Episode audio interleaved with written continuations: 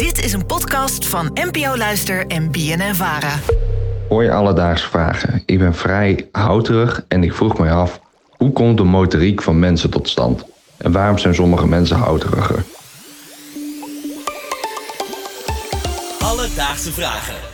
NPO Luister. Cheert uit Koevoorde, dankjewel voor het insturen van je vraag. En ja, voor we beginnen met deze aflevering wil ik even ja, toch een eh, belangrijke mededeling de lucht in gooien. Want dit is mijn laatste aflevering voor Alledaagse Vragen. Oh, Aaron. Ik ga stoppen. Ik eh, begin in december met een nieuwe baan. En Jeetje. ja, en daarmee houdt Alledaagse Vragen voor mij op. Hoe voelt het nu, om het zo te zeggen? Eh, gek. Ja. Heel gek. Ja, het is snap ook- ik. ik snap dit. eh, ik ging deze studio in. Ik was eerlijk gezegd een beetje zenuwachtig. En dat heb ik al Mhm. heel lang niet. Dat had ik in het begin toen ik alle, alledaagse vragen opnam. Ja, Maar ik was toch een beetje zenuwachtig. dat snap ik. En of een Erwa. Ik denk dat iedereen heel erg gaat missen. Maar laten we eerst die allerlaatste opnemen. En daar, daarna gaan we nog heel even. Ja, goed idee. Laten we inderdaad teruggaan naar de vraag van Cheert. En voor een antwoord op zijn vragen belde ik met Jorik Hendriksen. Hij is gymdocent geweest en ontwikkelt bij Athletic Skill Model een nieuwe lesmethode voor lichamelijke opvoeding. Oftewel, iemand die er alles van af weet. En ja, als we het over motoriek hebben. Rosa, denk jij dan aan de manier waarop we ons bewegen? Of heb je een bepaald beeld in je hoofd? Bij motoriek. Ja, In eerste instantie denk ik altijd aan een auto. Aan een auto? Motor. maar nee, ja, daarna wel, ja. Oké, nou, dat dacht ik ook. Dat het eh, eigenlijk alleen maar met bewegen te maken had. Maar toen ik met Jorik belde, zei hij dat er toch nog een heleboel andere dingen aan zitten. En daar zei hij het volgende over. elke beweging kent eigenlijk verschillende fases. En de eerste fase daarvan is dat je de omgeving scant of waarneemt. Vaak is dat door te kijken, maar soms ook door te, horen en te voelen. Maar meestal is dat door te kijken. Bijvoorbeeld het zien van een trap voor je met bepaalde hoogte van traptreders. En dan maak je deels bewust, maar veel onbewust maak je daar in je hoofd een soort plan van. Wat ga ik daarmee doen? Eh, wil ik heel snel de trap op? Heb ik lange benen? Dan pak ik misschien gelijk twee traders. Of eh, doe ik het rustig aan of ik ben moe. En pas daarna vindt eigenlijk de motoriek plaats. Dan gaat de uitvoering van de beweging komt dan tot stand.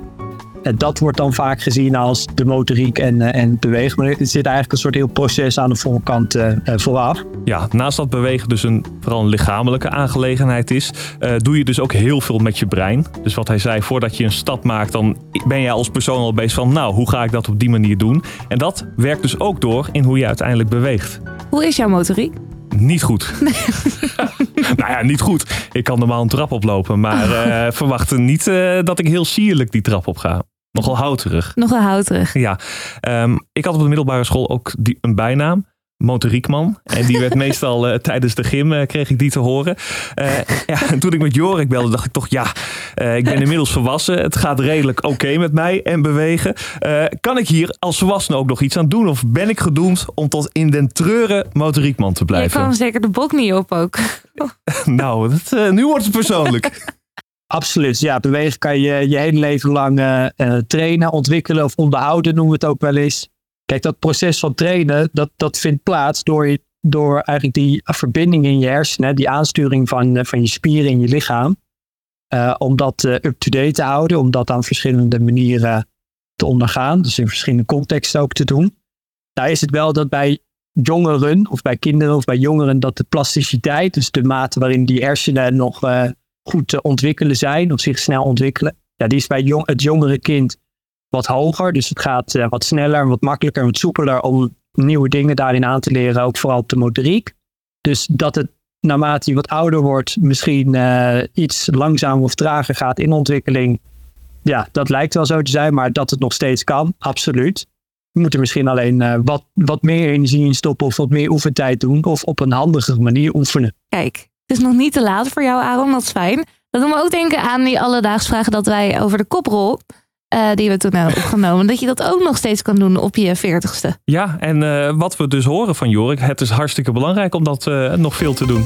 Alledaagse vragen. Nou, we hadden het net al eventjes over dat de motoriek van mij als kind niet fantastisch was. Dat ik eh, eh, een mooie bijnaam toebedeeld kreeg. Ehm, en in die zin, ja, ik ga het niet vaak zeggen, maar ik was eigenlijk een soort van voorloper eh, op een hele cruwe manier. Want tijdens het voorbereiden van deze aflevering las ik dat meer en meer kinderen problemen hebben met hun motorische ontwikkeling. Oh ja? Ja, en eh, hoe dat precies zit, dat kon Jorik ons ook uitleggen. Je ziet wel trends dat de motoriek eh, in zijn geheel onder de jeugd achteruit gaat. Zowel motorisch als, eh, eh, als de fysieke kant gaat achteruit. En dan, we denken dat het ook ermee te maken heeft met dat eh, vroeger, en dan gaan we even snel terug in de tijd. Ik ben zelf ook helemaal niet zo oud, maar vroeger eh, werd er bijvoorbeeld veel meer buiten gespeeld en in gevarieerde contexten bewogen dan dat dat tegenwoordig gebeurt. En, en, en, en jij en ik zullen dat alweer wat minder gedaan hebben dan de generatie van nu blijkt. Dus dat betekent dat je je dus ook motorisch aan een veel minder gevarieerd en minder divers palet aan beweegvormen hebt eh, ja, ondergaan. En je dat dus misschien ook minder coördinatief hebt ontwikkeld. Want het gaat er niet alleen om dat je het per se heel veel oefent. Het is dus zeker eh, meer oefentijd loont ook wel. Dus meer tijd en investeren loont ook. Maar het wordt steeds duidelijker en zichtbaar dat de manier waarop je oefent, dat dat een hele grote invloed heeft op hoe snel en hoe goed je dat ook vervolgens leert. Dus je hebt vroeger niet veel buiten gespeeld. Nou ja, of in ieder geval minder dan mijn ouders. En dat, en dat blijkt. En dan eindig je met de bijnaam motoriekman. Dus, Tjeerd, in deze aflevering zochten we voor je uit hoe de motoriek van iemand tot stand komt. En wat we leerden is dat dit gedeeltelijk erfelijk is bepaald, maar ook zeker door hoe vaak je een bepaalde beweging maakt. Doe je het vaker, dan wordt je lichaam daar steeds beter in. En je kan je lichaam ook blijven trainen om de motoriek op peil te houden. En hoe gevarieerder de bewegingen, hoe beter dat is. Heb je ook een vraag? Stuur ons dan een berichtje op Instagram. Dat kan naar Alledaagse Vragen. Of je kan ons mailen op alledaagsvragen.bnnvara.nl. En dan ga ik het niet langer voor jullie uitzoeken, maar mijn collega's wel. Luisteraars, het was een eer. Aaron, dankjewel. En omdat jij zoveel vragen hebt beantwoord, ehm, wij zijn even ook eh, gaan zoeken hoeveel dat er ongeveer waren. En wij hebben even iets achter elkaar gezet. Oké. Dankjewel Paul voor het insturen van je vraag. Dankjewel René voor het insturen van je vraag. Monika, bedankt voor je vraag. David, dankjewel voor het insturen van je vraag. Job, dankjewel voor het insturen van je vraag. Bart uit Schijndel. René uit Venray. Camille Robber uit Makkum. Dankjewel, dankjewel, dankjewel, dankjewel, dankjewel, dankjewel John uit Leiden voor je vraag. Dankjewel Koos uit Goord voor het insturen Ik ga dit tot Dankjewel vannacht in mijn slaap horen. En we zijn, iedereen is je natuurlijk ontzettend dankbaar. Want Aaron, zonder jou is alledaagse vragen toch weer een heel stukje anders. Dus wij willen jou ook namens iedereen hier bij Bien en Vara uit het team ook heel erg bedanken voor die vragen. Aaron, mijn favoriete wandelende encyclopedie. Wat had ik zonder je gekund? Ik wil je bedanken voor alle antwoorden die jij eh, hebt gegeven. Aaron. Aaron. Aaron. Dankjewel. Dankjewel. Dankjewel voor je antwoorden. Dankjewel voor je Voor je antwoorden. Aaron, dankjewel voor je antwoorden. Ja, graag gedaan jongens. Dat was een eer. Echt super. En maar moeten we niet zeggen dat jij mij opvolgt? Eh, ja, dat denk ik wel. Misschien is dat wel een goeie. Alledaagse vragen. NPO Luister. BNN Vara.